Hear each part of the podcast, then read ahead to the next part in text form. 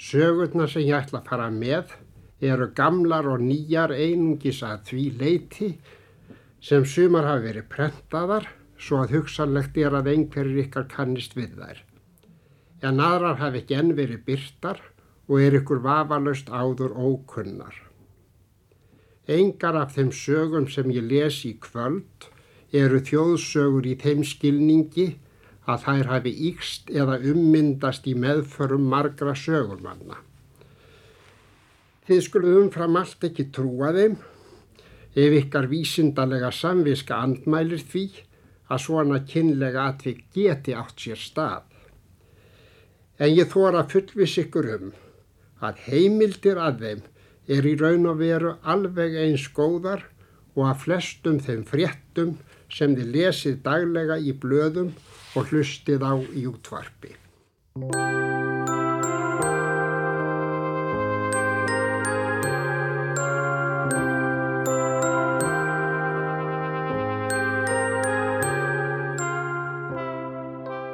Þetta var Sigurður Nordal að lesa þjóðsögur í þættinum úr gráskinu í umsjón Gunnars Stefánssonar. Þú ert að hlusta á glans.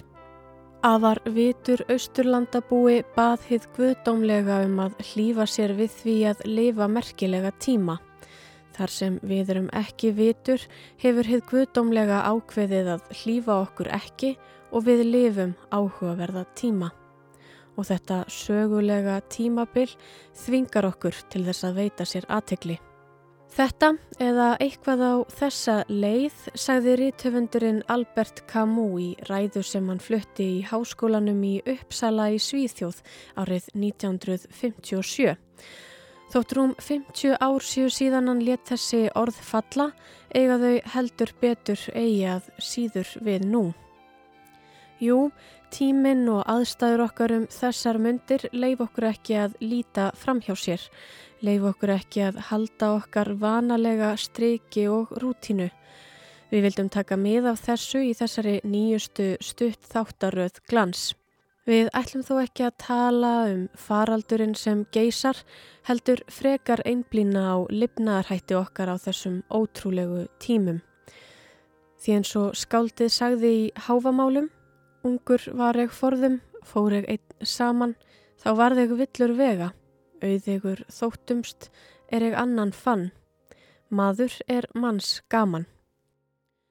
Þannig að nú þegar við sætum öll samkomiðbanni í fyrsta sinn síðan árið 1918 og mörg okkar eigða tíma sínum að mestu eða alfarið innan fjögra veggja og í litlu samneiti við aðra menn, hvað ætlum við þá að hafa fyrir stafni? Við ætlum að skoða dægra styttingu í þessari seríu glans. Hvað gerum við okkur til dægra styttingar? Hvað gerðum við hér áður fyrr? Höfum við tíma fyrir slíkt? Hvaða áhuga mál eru innan gæsalappa íslensk? Hafa sögur sérstakt mikilvægi fyrir íslensku þjóðina og geta allir sagt sögur. Hvenar er saga góð?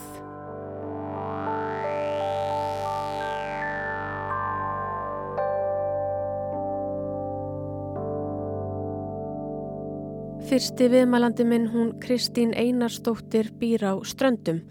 Viðtalið fór því fram í gegnum síma sem er ekki óvanalegt nema fyrir þær sakir að nú vinn ég að heiman með borðtölfuna úr vinnunni á borðstofuborðinu, príðilegt stofu stás. Við Kristín þurftum því aðeins að gera og græja og marg nýta tæknina en þetta hófsta lókum allt saman hjá okkur. Skulum prófa.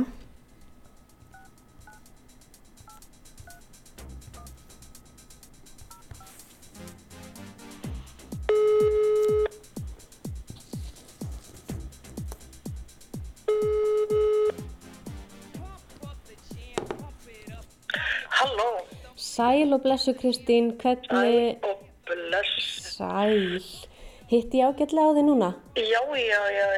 En ertu að meina það að ég geti verið hér og talað síman kveikt á upptöku á tækinu mínu? Já. Já, þetta er bara snill. Er það ekki?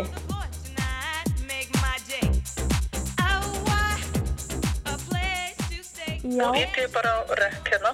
Já. og þá er spurning að við teljum niður bara þrýr. Þrýr, Ok, einn, tveir og þrýr, þrýr, tveir, tveir, einn. Yes, Og þá byrjum við. þá byrjum við.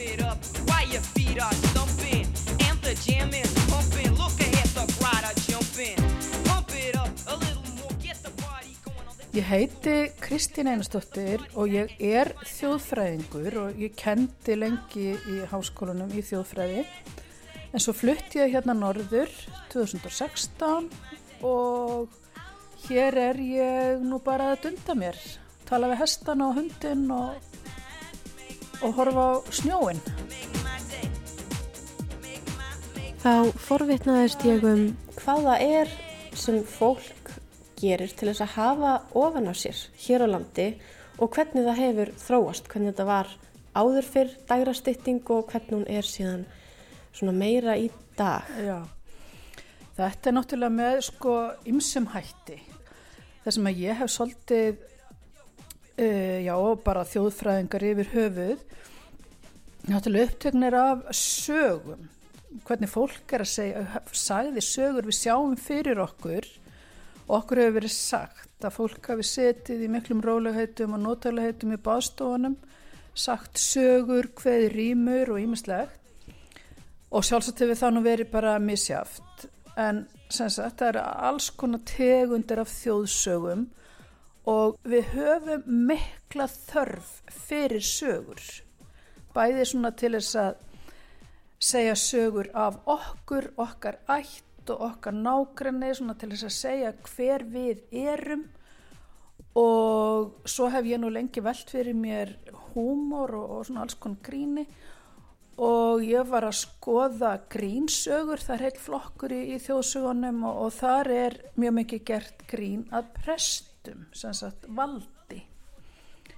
Og enn erum við mjög mikið að gera grín að valdi í alls konar gríni.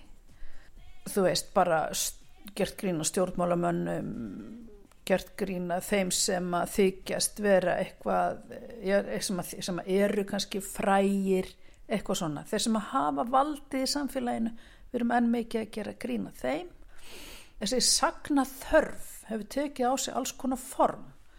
Fyrst var fólk kannski, eins og ég sagði, að hérna, segja sögur bara sín á milli.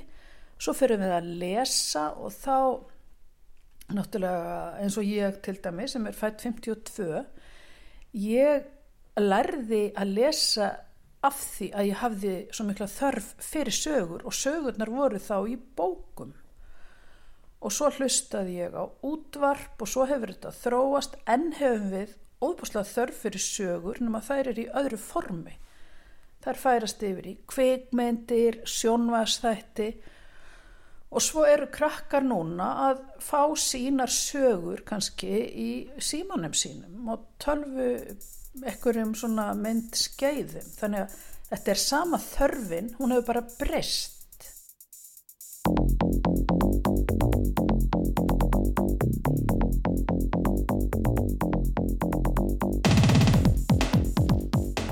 Það að gera eitthvað skemmtilegt í frítíma sínum hefur fyllt mannkinninu frá örófi alda og vísir að skipulögðu tómstundastarfi fór að verða hér til á Íslandi í byrjun 20. aldar þegar fólk fór að flytja úr sveit í borg.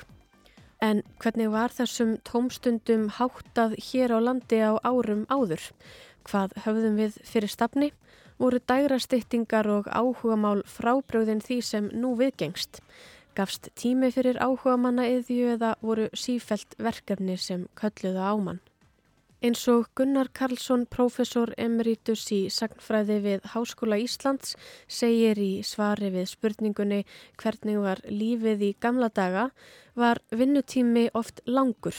Nota þurfti hvert tækifæri til að afla nöðsynja sem nægði ekki alltaf því margir voru svangir og mannskæðar hungursneiðir gengu þegar verst var. Fátt var um ráð til að lækna sjúkdóma, fólk vissi ekki einu sinni að síklar væru til. Mörg börn dóu strax á fyrsta ári frá þriðjungi og niður í eitt barn af hverjum átta á 19. öld. Tækifæri til skemmtunar voru fábreytt og ekki einu sinni til útvarp, hvað þá sjónvarp eða bíó. Frelsi margra var takmarkað og ekki engöngu þræla og ambáta sem byggu þó við minnst frelsi. Til dæmis vantaði oft mikið upp á að konur veldu sér eiginmenn sjálfar. Þó virðist ekki hafa verið vöndun á dagrastýttingu þegar vikingarnir fóru um. En Gísli Sigursson, rannsóknarprofessor hjá Árnastofnun, segir að þeir hafi þá meðal annars stundað átkeppni, kapplaup og kappdrykju, en einnig hestamennsku, sund, knattleiki, skautahlaup, smíðar, bókfimi og þóttu þá hornskinna leikur og hnútuköst til skemmtunar fallin sem og tabl og glíma. Ólíkt því sem nú gengur og gerist urðu leikir til forna þó nokkuð oft blóðugir og leitu til mannvíga. Ef við lítum alla leið aftur til forn Grekja, kunnu þeir einnig að hafa ofan af sér og stunduðu í frístundum sínum íþróttir, fóru í leikhús, lásu og sömdu ímiskonar bókmentir, stunduðu heimsbyggi og heldu veistlur, segir Geir Þórarinsson aðjungt í grísku og latínu við Háskóla Íslands. Helstu íþróttirnar voru kringlukast, spjótkast og hlaup, langstökk og glíma. Auk þessara greina var keft í nefaleikum, fjölbragða glímu og kappreiðum. Þá keftu menn í leikritun, bæði harmleikjum og skopleikjum. En eins og Kristín segir voru sögurnar veigamikill hluti aftreyingar hér á landi.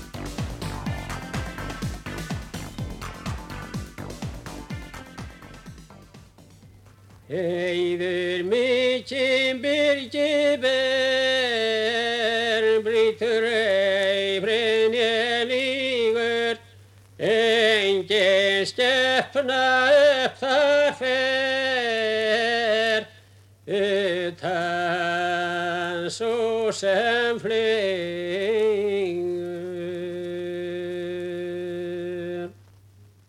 Þarna heyrðum við brot úr þættinum Kynja Karlar og Skringi Skrúfur í umsjón Jóns Jónssonar.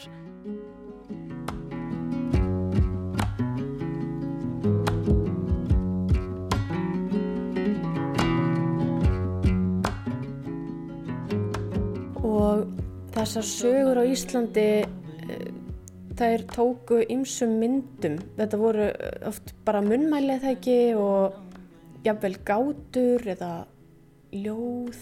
Já, kemur þið að gátunum. Það er náttúrulega bók sem að eh, heitir Íslenskar gátur skemmtanir vikivakar og þulur sem að kom út leiklega um aldamóti 1900. Jón Árnásson þjóðsagnasafnari byrjaði að safna gátum og, og vikivökum en svo tók Ólafur Lærisvein hans við, Ólafur Davísson. Þetta er alltaf kent við Ólafur Davísson og í þessari bók eru 1194 gátur og þær eru ótrúlega merkilegar. Ég ætla að segja þér eina. Aðkom ég þar elvan hörð ávar ferðum skjótum undir vatni ofan á jörð arkaði ég þurrum fótum. Getur ímyndaðir hvað þetta er? Undir vatni ofan á jörð. Já, arkaði ég þurrum fótum. Undir vatni ofan á jörð, arkaði á hespaki. Nei, Nei, veistu, þetta er oft svo langsótt og það er svo fyndið. Þetta er sem sagt maður gekk undir Seljalandsfoss, já. augljóst. Fólk var bara að dunda sér við að segja gátur og, og náttúrulega úr sín, sínu lífi, sínu, sínu samfélagi svona. Mér finnst bara svo merkilegt með þetta að þetta er svo sterk þörf. Ég meina útsvar sem er náttúrulega bara svona spurningaleikur gekk og var naut þvíleikra vinsalda í sjónvarpinu. Og getur betur og pubquiz út um allt ég veit ekki sko ég veit ekki hvort að þessa gátur eru mögulega ég menn þú ert að máta þig við eitthvað, þetta er keppni og svona spenna og þú, það er náttúrulega stendur ekki einn, þú ert í liði þannig að það er ekki eins Það er náttúrulega svo skelvilega hræðilegt að hérna, vera staðin að heimsku sko. Það er náttúrulega hérna, það versta í heimi bara. Og hvernig er svona eins og þessar gátur til dæmis sem þú fóst með fyrir mig og sögur sem fóru, sagt, hvernig varveitist þetta? Það var ekki skrifa niður eða? Ekki, sko nei, þetta bara, þetta var bara lifandi, manna á milli. Og til dæmis hér norður á ströndum að hér eru mjög mikið sagðar sögur. Og fólk talar í sko hérna bara einni setningu, segir bara eina setningu þá vita allir, úr einhverju sögu þá vita allir hvað er verið að tala um.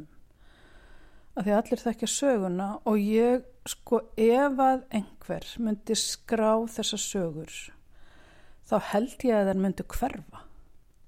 Þá er þar komnar einhvern veginn inn í einhverja gemslu ég held að sé sem sagt bara eins og einhver sem komin á ný líkistu að hérna skrá sögur þá er það frostnar. Getur eitthvað bent á hvaða er sem gerir sögu góða eða frásögn góða? það er alltaf sagna maðurinn sem að hefur einhvern veginn svo mikið að segja hvernig saga er sögð. Og það getur verið bara góð saga sem að, sem að fer illa hjá slæmum sagnamanni. En hún verður sko líka eiga sér samsvörun hjá þeim sem er að hlusta það verður að vera eins og við tölum um í þjóðfræðinu það verður að vera svona jarðvegur fyrir söguna Einmitt. En geta allir lært að vera góður sagna menn eða er ykkur sérstakki burðir sem maður þarf að hafa til að vera góður sagna maður? Ég, sko ég segi nú bara það sem þetta eftir fyrst hug að ég held að sé kæruleysi sem að gerir ég sem sagt eins og ég sagði þér þá hef ég verið að segja grettisögu sem að tekur alveg svona 5-6 kennslustundir. Og stundum að þá man ég ekki alveg hvað einhver heitir eða hvað er einhver átt að heima. Þá það til. Og ég lík bara sögunni eins og mér hérna dættur í hug. Og ég tek mér það vald af því að ég á þess að sögu alveg eins og einhverjur aðrir. Þóttun hafa einhverjum tíma verið skráð að þá er rétta sagan kannski mjög hérna allt öðruvís en hún var skráð. Þú veist þannig að kæruleysi þóra bara að segja það þarf maður að hafa. Og kannski einhverju löngun til að hérna, skemmta fólki. Eða þess að kennara, þetta kennara element kannski að segja frá. Fá eitthvað til þess að upplifa eitthvað sem að manni finnst skipta máli. En ég held að maður þurfi til þess að segja sögu þá þarf maður að sleppa sér aðeins. Og svo held ég bara að það sé alveg hægt að hérna, æfa krakka í þessu. Og ég man eftir að hérna, ég var ekkert um með krakka í ferð og batna batna strákurum minn var að segja hann var að segja sem sagt öðrum krakkum söguna á djáknunum á myrka og hann sagði sko hann bauðinni þarna á date. Og hann var með svona hatt svona eins og, eins og hérna, Michael Jackson þú veist. Hann breytti sögunni svona mér finnst þetta mjög skemmtilegt. Þarna var bara hann að þú veist laga söguna svona að því sem að honum fór best í hans munni sko Og þegar svona að því nú reynum maður að ímynda sér hvernig það var og það var kannski þannig að um, einhver kom í heimsókn, kom kannski langt að og sagði forunnilega skemmtilega sögu og maður hugsaði kannski, þú veist, eins og maður gerir jafnvel í dag eitthvað og ég verði að segja Siggu þessa sögu því að hún mun hafa gaman að henni eða eitthvað svona. Hvernig lærði maður hana? Reyndi maður bara að muna frásögnina, bað maður um að fá að heyra hana aftur uh, og þess aftar? Já, sko ég menna þetta er bara eins og, eins og þú heyrir af einhverjum að eitthvað hafi gerst þú segir það kannski gleymir kannski einhverju bre- breytir aðeins, bætir við Þannig að sögurnar voru kannski alls ekki eins frá einum manni til næsta. Nei, Nei, aldrei eins hann er svo kvísluleikur. Já, þetta er bara algjörlega þannig.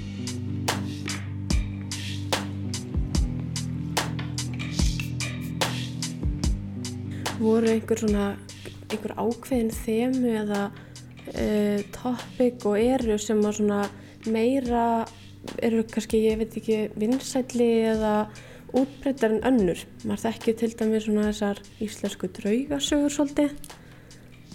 Sko draugasögurnar eru náttúrulega dæmi út af fyrir sig. Það er sko náttúrulega þessi ótti við þetta óþekta. Þetta er alveg stórir, stórir flokkar, útilegumannasögur, álfasögur, draugasögur og ég held að sé hægt að segja að það er einhver kvati á bak við allar þessar sögur eins og draugasögurnar, sko eins og þú veist, þá eru unglingar algjörlega sjúkir í draugasögur. Ég var oft með unglinga á fjöllum og, og það var mikil ásokn í draugasögur og ég tólka það þannig að að þar sé einhver innri þörf til að æfa sig í óttanum. Það er eins og nú á dögum, þá er hérna náttúrulega svo mikið að óttast og geta sagt draugasögu, hlusta á draugasögu og höndlað óttan. Það er þetta, það stækkar einhvern veginn ótta hérna hefnina, eða þú veist að komast í gegnum eitthvað sem að ræðist útilegum manna sögur að einhverjir búi upp á fjöllum og, og hérna geti sé hættulegt að fara upp á fjöll og það er spennan á bak við þetta. Ég, mér er stundum dótt í hug þegar ég er að horfa á umfjöllun eða viðtal við eitthvað ógjafi fólk sem er náttúrulega bara útilegum en samtímans. Það er eitthvað sem að kittlar okkur og það er eitthvað sko eitthvað í okkur sem að segir gott að ég er ekki í þessari stöðu. Gott að ég, börnin mín er ekki í þessari stöðu. Ég hef allavega hana bara skáldað þessa kenningu með sjálfur mér. Og álfa sögur þær eru svo sterkur draumur um það að að einhver hafi það betra. Álfarnir áttu silfur þeir áttu falleg född og nóa mat og sem okkur skorti svo þá. Og í dag að þá höfum við svakalega gaman af að horfa á hérna, myndir af fólki í, bara á rauðadrygglinum eitthvað svona í þessum brjálaðislega dýru fötum og eitthvað, þú veist, við höfum svona þessi ljómi, þetta er bara í annari mynd í dag. Áhuga, maður þekkir þetta líka svona þessar, þessar se, úlingaserjur eins og hann að Beverly Hills 90210 og Já. Gossip Girl og svona þar sem að hann að OC þar sem krakkanir er allir svona vel efnaðir og Já, svona þegar þú ert að rifja þessar sögur upp, draugasögurnar og alfarsögurnar um, nú man ég stert eftir því að vera í grunnskóla í Þórsmörk og það er verið að segja okkur þessar sögur og í augnablikinu þá, þá er þetta raunveruleikin fyrir mann, eða fyrir mér, ég get ekki tala fyrir alla en fyrir mér í áttundabekk í Þórsmörk þá fannst mér þetta raunverulegt og alvöru möguleiki að, að um, þetta væru sannar sögur og þetta hefði allt saman gerst og það gæti verið draugar, draugagangur þarna. Og ég man eftir að hafa lesið Kristín Marju Baldursdóttur og þar eru álvar og þess áttar og, og mér fannst, fannst þetta svona fullkomlega trúanlegt. Uh, svo í dag nokkrum árum eldri að þá ég mun erfiðara með að svona ímynda mér þessa hluti og sjá fyrir mér að þeir séu til og raunverulegir er við sem fullorði fólk gerist eitthvað? Eða er þetta kannski bara svona í mínu tilfelli og aðrir eiga auðveldara með að ímynda sér eða hefur eitthvað pælt svona í þessum þáttum? Nei, nei, ég reyndar sko, ég bý hérna í lúti sveit og, og ég finn fyrir myrkvelna ef ég er ein hérna og þá get ég alveg bara á, á bara séð fyrir mér eitthvað hérna úti ég geti sko teiknað upp eitthvað sem að stendur hérna fyrir utan veggin og, og eitthvað sko Þannig að mitt ímyndunarafl allavega getur farið með mig í alls konar áttir sko. Ég er svo sem ekki ímynda með drauga en það sko trúi ég því alveg að ef að, að ef að það er eitthvað svoleiðis hér þá sé það svona vinnveitt sko. Ég er bara hrætt við einhverja hérna, einhverja glæpamennskilur. Já, nákvæmlega. En er, er ímyndunarafli, er þetta eitthvað sem við þurfum að halda við?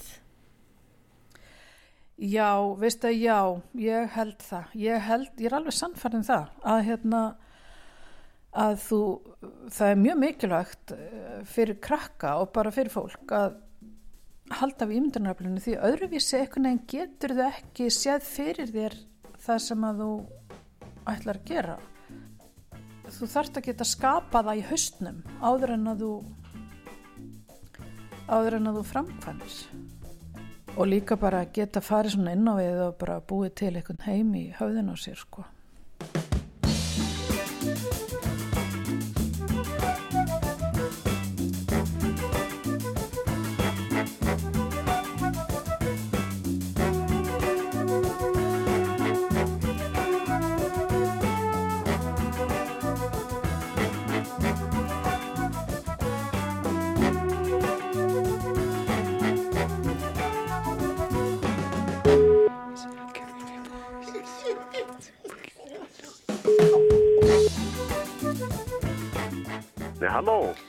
Sæll og blessaður Ingi, hvað segir þá? Já, ég heiti Ingi Hans Jónsson og er í grundarfyrði. Ég fæst nú við ímislegt og þar á meðal að segja sögur. Það er svona mitt uppáhaldsviðfónsefni þessa dagana og þessa vikurnar að, segja sögur. Það koma fáir á því núna í sögustofuna hjá mér en það er alltaf lægi, þá býð bara til meira sögum.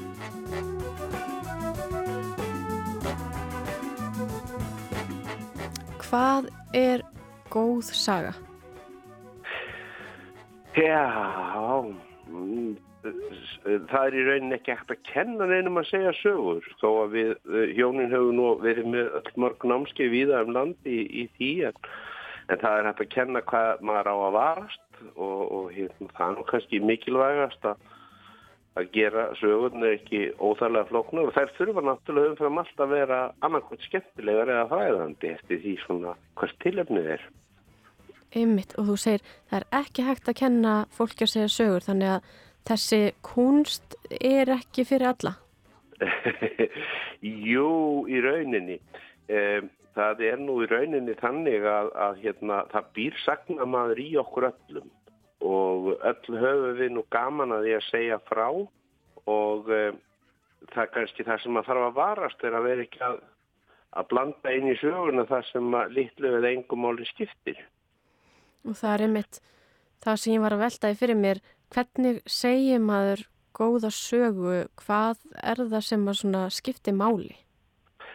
Það er náttúrulega, innihaldi skiptir náttúrulega mestu máli og, og síðan hvernig maður fer með hana og, og eins og eitt gammal maður sagði sem ég hefndi mikið eftir og gerir endur enn að hann kom oft til mín ef hann sko hafði gert eitthvað af sér eða eitthvað hafði komið fyrir hann og bað mig að segja sér sko að ég var svo lægin lagaða til eins og hann orðaði það.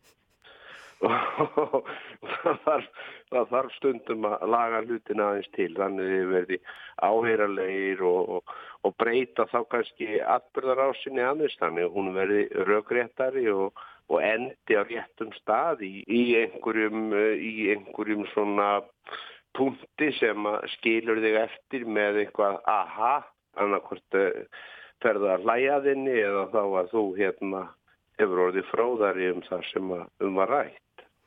Þannig að það er í lægi að svona skrökva eða skálda aðeins? Já, já, já, já, já, já, já, já. Það er svo ég segi sko allar þær sögur sem ég segi eru sannar og rúmlega það. Og það verður aðeins að bæta í stundum og það er líka rosalega gott fyrir sko fyrir sögu efnið og sögu personuna ef, ef að hérna ef hægt er að laga þetta til og gera þetta skemmtilegt. Oft er maður að gera grína fólki og, og, og hérna maður er manns gaman þetta var nú hérna eina skemmtunni sem fólk hafði hér í eina tíð og nöyt þess að það hlusta á góða sögur Er einhver svona lína eða einhver mörg sem að þú uh, svona, maður fyrir gefir með, uh, með mörg sannleika og þess sem er skaldað? Já, sko, ef að maður, nei, já, það eru náttúrulega skald, skaldskapurinn byggist nú á því að gera söguna betri en ekki verri. Gera sögupersonuna betri og skemmtilegri en ekki verri. Mm. Þannig að maður sé aldrei að meiða og sé aldrei að meiða. Maður í rauninni býr freka til hetju heldur en, heldur en skúrk, sko. Er þetta benda á einhverja eiginleika eða þess áttar sem að gerir sagnamann góðan?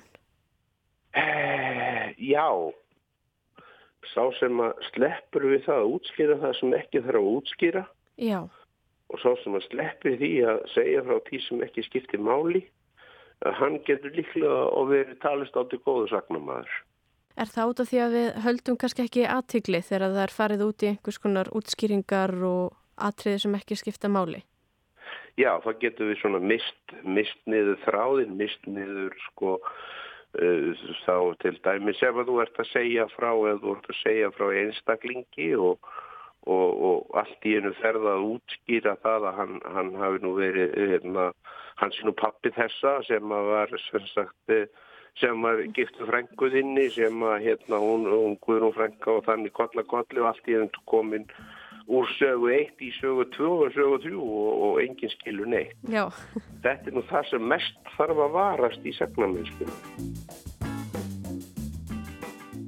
Hér heyrum við smá brot úr vinsælu sjónvarsþáttunum The Office og þeirra útfærslu á slíkri frásögn. I started this company in 1949. Back then, it was a, an industrial supplier of metal brackets, mostly. Boy. And then Mifflin. Of course, he killed himself later. Uh, but I knew Mifflin through the Rotary Club. Great.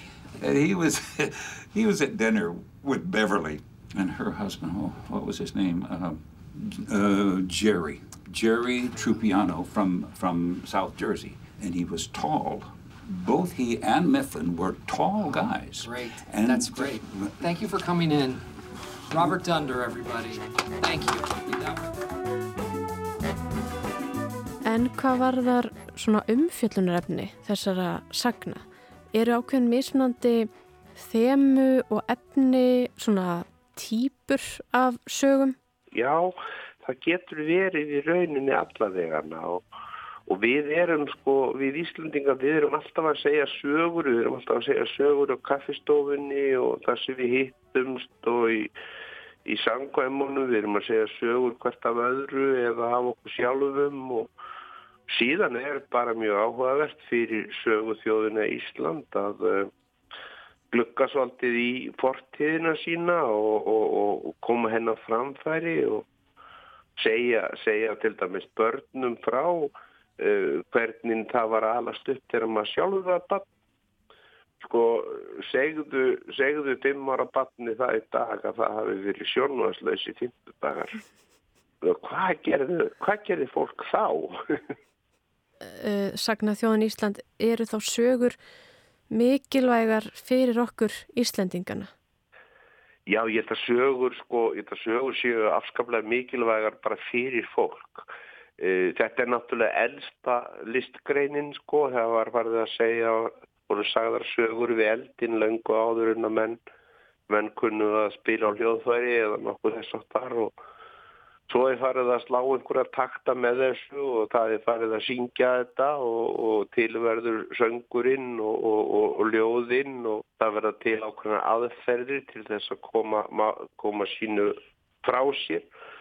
Og uh, fólk er farið að dansa og annað þess að það þannig að uh, allt sprettur þetta í rauninni af sögum og það er náttúrulega það sem hún sérði í leikúsinu, það er náttúrulega verið að segja sögum þar sem að er ekki veit sögumæður heldur er ákveðin hópur af fólki sem er sögufólki. Mm -hmm. Þannig að þetta er nú svona, þetta áallt rætur í þessu, þetta áallt rætur í sögunni og, og svo er bara eins og, eins og ég er að segja það sem mér finnst svolítið skemmtilegt, það er að, að opna þennan ævintýra heim vegna þess að börn hafa mjög hérna ríkt ímyndunarafl og það þarf að virka þetta ímyndunarafl og, og, og hérna leifa þeim í rauninni að, að, að takast á við það að, að hans og Greta getur gáta alveg og rauð þetta gáta alveg skerst í Reykjavík og eru kannski gerast en þetta í dag þó að persónuleikandur séu aðeins aðrir og aðeins öðrum hætti. Og heldur að allir fullornir geti gert þetta? Geti virkað Já, já. svona? Já, já, já, já, já, já, já, já. Bara vera, vera, vera, vera svolítið frjáls og, og leifa sér að, hérna, hafa svolítið gaman að þessu. Núna er held ég sér mikilvægast af öllu að reyna að hafa svolítið gaman og láta ekki sko áhyggjur og, og kvíðar ná á sér tökum heldur, reyna bara að hafa svolítið gaman og það til dæmis er, er alveg ágætt að hugsa til þess að þegar að maður er búin að þrýfa heima hjá sér í sko fimm dag í röð þá verður ekki meira þrýfið og, hérna, þá þarf maður að gera eitthvað annað og ekki nenni maður endalust að horfa á sjónvarpi þá er bara ágætt að búa til raunveruleika sem er skemmtilegur. Þá er það síðasta spurningi mín. Mhm. Og það er af hverju skiptir það máli að segja sögur? Hvað gefa þær okkur? Það gefa okkur okkur alveg óbúslega margt. Sögur eru náttúrulega, uh, þau geta, þetta getur verið lífsveinsla og þetta getur verið, hérna, þetta, þetta lífgar minnit, þetta hjálpar manni að, að hérna, að rifja upp uh, æfi sína og, og hérna rifja upp ímislegt sem maður hefur upplifað og lært og maður getur sagt sögu sjálfum sér að hverju sem er og, og ég held að sé rosalega mikilvægt hjá okkur að, að halda í, í það að, að reyna að eh, reyna að miðla og reyna að miðla og skemmta og eins og ég sé alltaf bara hafa gaman að þessu. Lífið snýst svo mikið um það að hafa bara alltaf gaman að því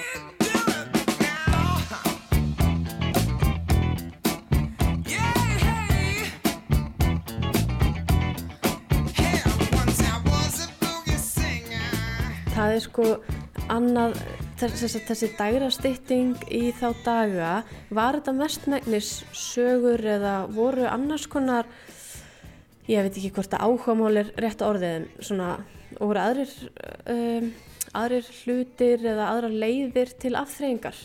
Sko ég, ég held náttúrulega að það var náttúrulega leikir og leikir barna. Ég reyndar, sko var nú mikið að velta fyrir mig leikjum barna og þeir hafa náttúrulega þróast og fóru áður fyrr mest fram í því að börn væri að herma eftir störfum fullarina. Væri búin að búa sér svona til bú með legg og skél og eitthvað þannig og báta, bíla, eitthvað svona sko, þar sem er voru að herma eftir leikjum fullorina og svo náttúrulega verður svo mikið, mikið gap á milli vinnustada og barna sko, þannig að það er orðið svo, það, þá breytist það. Og ég er ekkert að segja að þessi verra en börn leika sér ekkert síður en þau gerðu, þau leika sér bara öðru vísi og að maður skoðar bara hvernig börn er að leika sér þá er það alveg stórkostlegur heimur. Ég man þegar eitt barnabarni mitt var alltaf að leika sér í skóna mínum tók skóna mína og raðaði þeim og var ég bara algjörlega í sínum heimi. Og ég kallaði á hann að koma að borða og hún sagði nei, leikurinn er ekki búinn. Samt var hún, sá maður engan leik.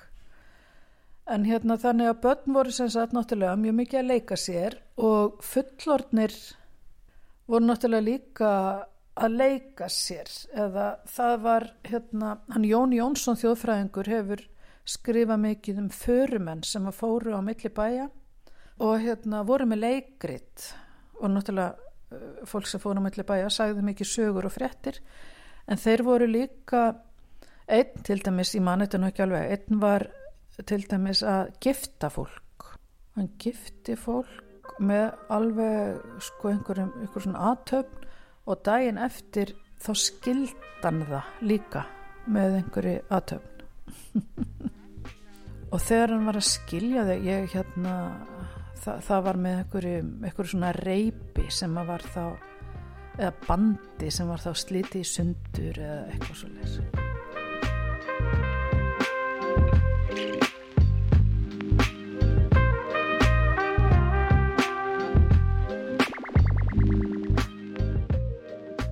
leys heyrum við aftur stutt brot úr þættinum Kynja Karlar og Skringi Skrúfur í umsjón Jóns Jónssonar.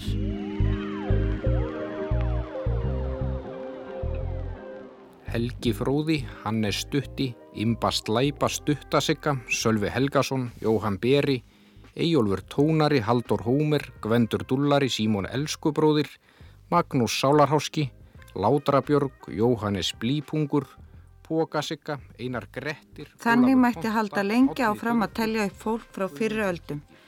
Fólk sem á það sameinlegt að hafa einhvern hluta æfi sinnar dreigið fram lífið með því að flakka bæ frá bæ og þykja mat og húsaskjól. Allir þeir sem nefndir voru eru í hópi íslenskra förumanna sem allt fram á 20. öld settu sterkan svip á mannlífið hér á landi. Þetta fólk var utangarðs í íslenska bændasamfélaginu. Sérkennileg viðunefnin gefa til kynna að hér er á ferðinni sérkennilegir karakterar, fólk sem munað var eftir og það er vissulega raunin. Margir af síðustu förumönnunum hafa verið afar eftirminnilegir, ímist af góðu eða illu. Sumir þeirra voru þannig hversmanns hugljúvar, fólk sem húsráðendur höfðu alltaf því gaman af að fá í heimsókn, á meðan aðrir þóttu heldur leiðinlegir gestir, jafnvel hættulegir. Um síðustu förumennina er til gnótt af heimildum.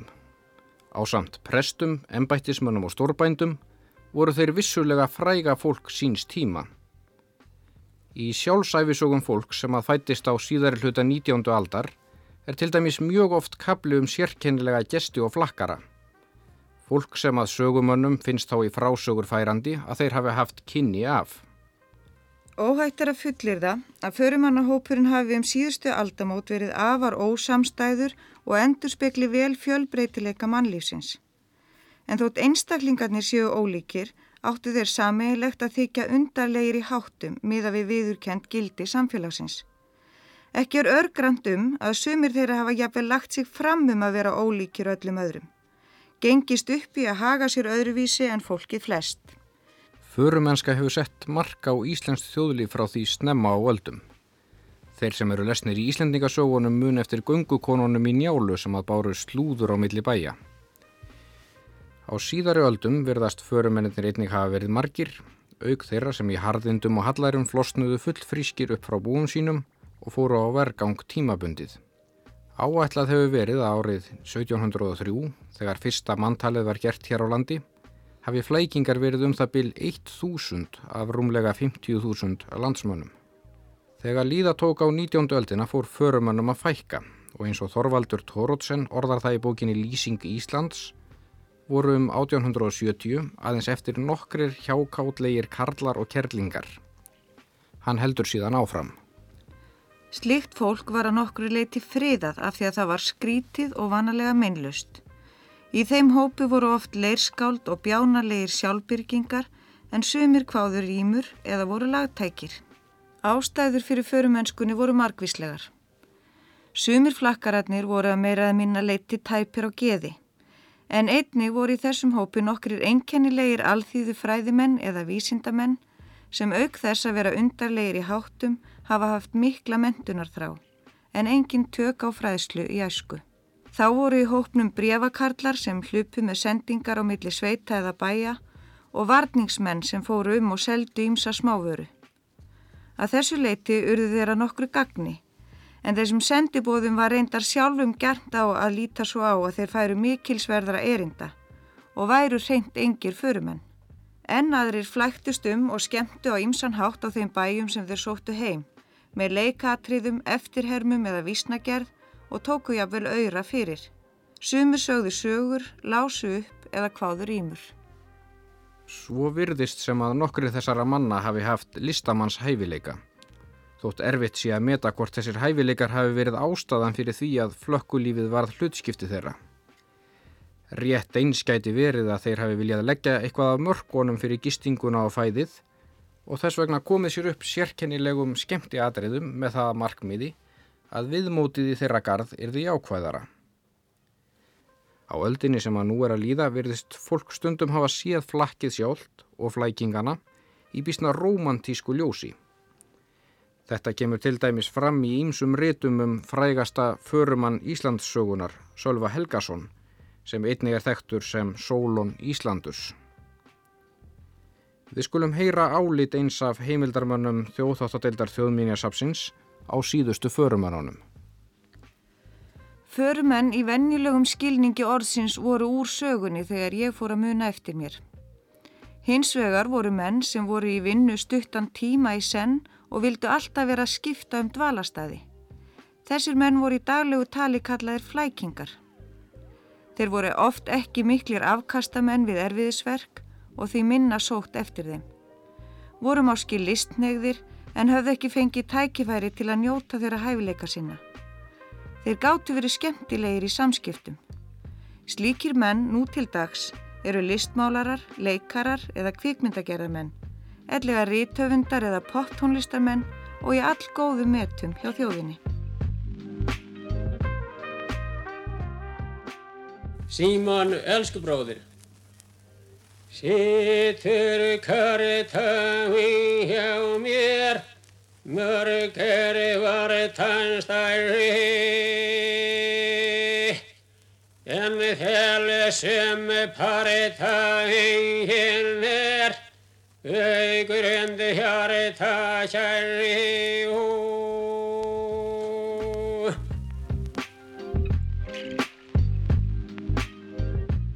Nú vitum við að börn leika sér um, en við fullorna fólki. Já, við leikum okkur, ég meina, við leikum okkur líka sko bara til dæmis með að horfa á fótboltaleik og í golfi og, og alls konar. Reyni þá er þessi útivist oft bara mjög mikill leikur. Að hjóla eins og ég er nú alltaf að gera er leikur. Og svona ímislegt matarboð er náttúrulega leikrit. Þá hérna setur á svið þetta matarboð og, og svo er einhver sem að leikur húsherraðandan og einhver leika gestina og allir er í hlutverkum. Alveg eins og leiksýning þegar einhver er í aðal hlutverki og, og svo eru hérna svona auka leikarar og svo fer inn í eldús og þá er annað leikrit í gangi þar.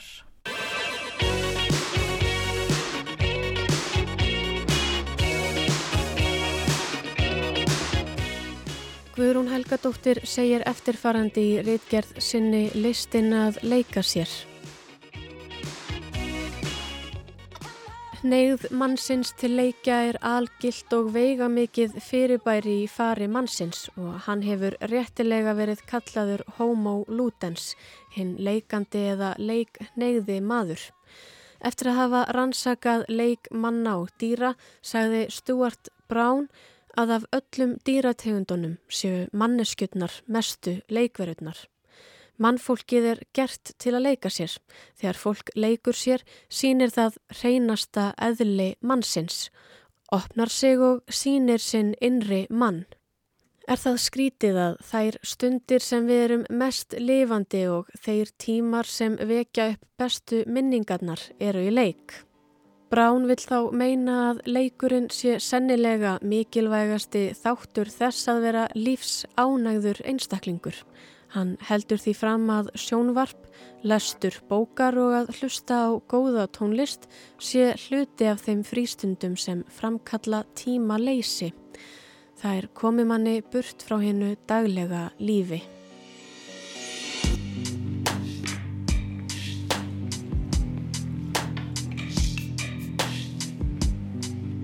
Á svona þessum tíma eða hér áður fyrir á Íslandi var alveg tími fyrir að eiga sér áhuga mál og huga dærastýttingu? Þetta er sko mjög góð spurning. Ég hérna, það var náttúrulega miklu, miklu lengri vinnu tímin. En hérna, ég meina, já, mamma mín og pappi, þau eru bæði fættustri í Altaveri og hann, hann 1915 og hún 21. Og þá voru svo ofbúslega mörg börn, þú veist, mamma átti held ég 11 sískinni eða pappi 11 og hún 14, eitthvað svo les og það voru svo barnmörg heimilinn og svo óbáslega mikið börnum og þar með náttúrulega unglingum. Og þau voru til dæmis alltaf verið er mjög svona, hérna, svona slett sveit. Og þau voru á skautum, bara allir krakkarnir úr sveitinu út um alla sveit, byggu sér til skauta bara sjálf og hérna, þú veist, þetta er bara 1930, eitthvað svoleiðis. Og ég náttúrulega, ég held að í sveitunum með þetta voru svona margir krakkar. Að það hefði verið bara mjög mikið um alls konar leiki. En þú veist vinnudagurinn var náttúrulega langur en þá var náttúrulega heldur ekki sko kvorki útvarp eða sjónvarp. Þannig að frítíminn var kannski öðruvísi nýttur.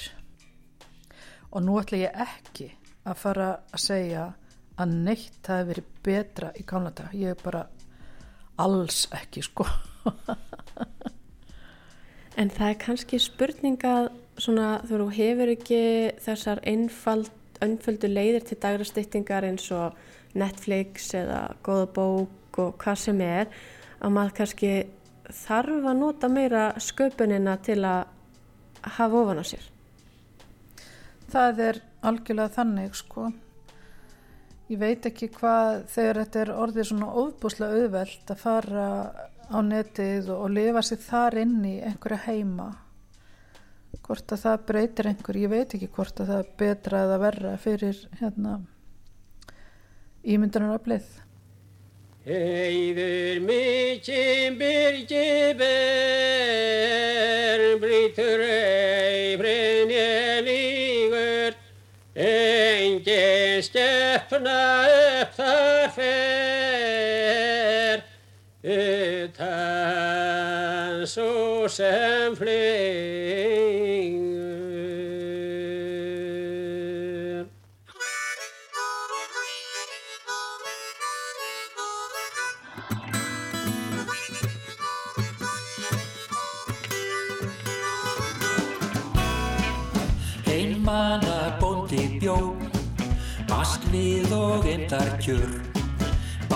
Dag út á sjó, ítti úr vör. Færi hann með beitu brá, til bóts í grænum sjó. Hár brúða hann um þá, haf meiu dró.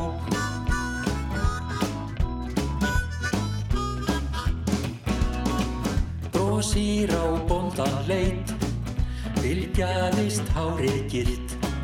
Bóndaðum þá ætti heit, á stríða vilt. Sæfrúna í faðum sér greip, þeim hóf hún sporðar köst. Hunds bæði öldu sleip, í djúpa röst. Og menn þau mæla orð, að megi en til bóndan sjást. Haf megar haldum sporð, í hel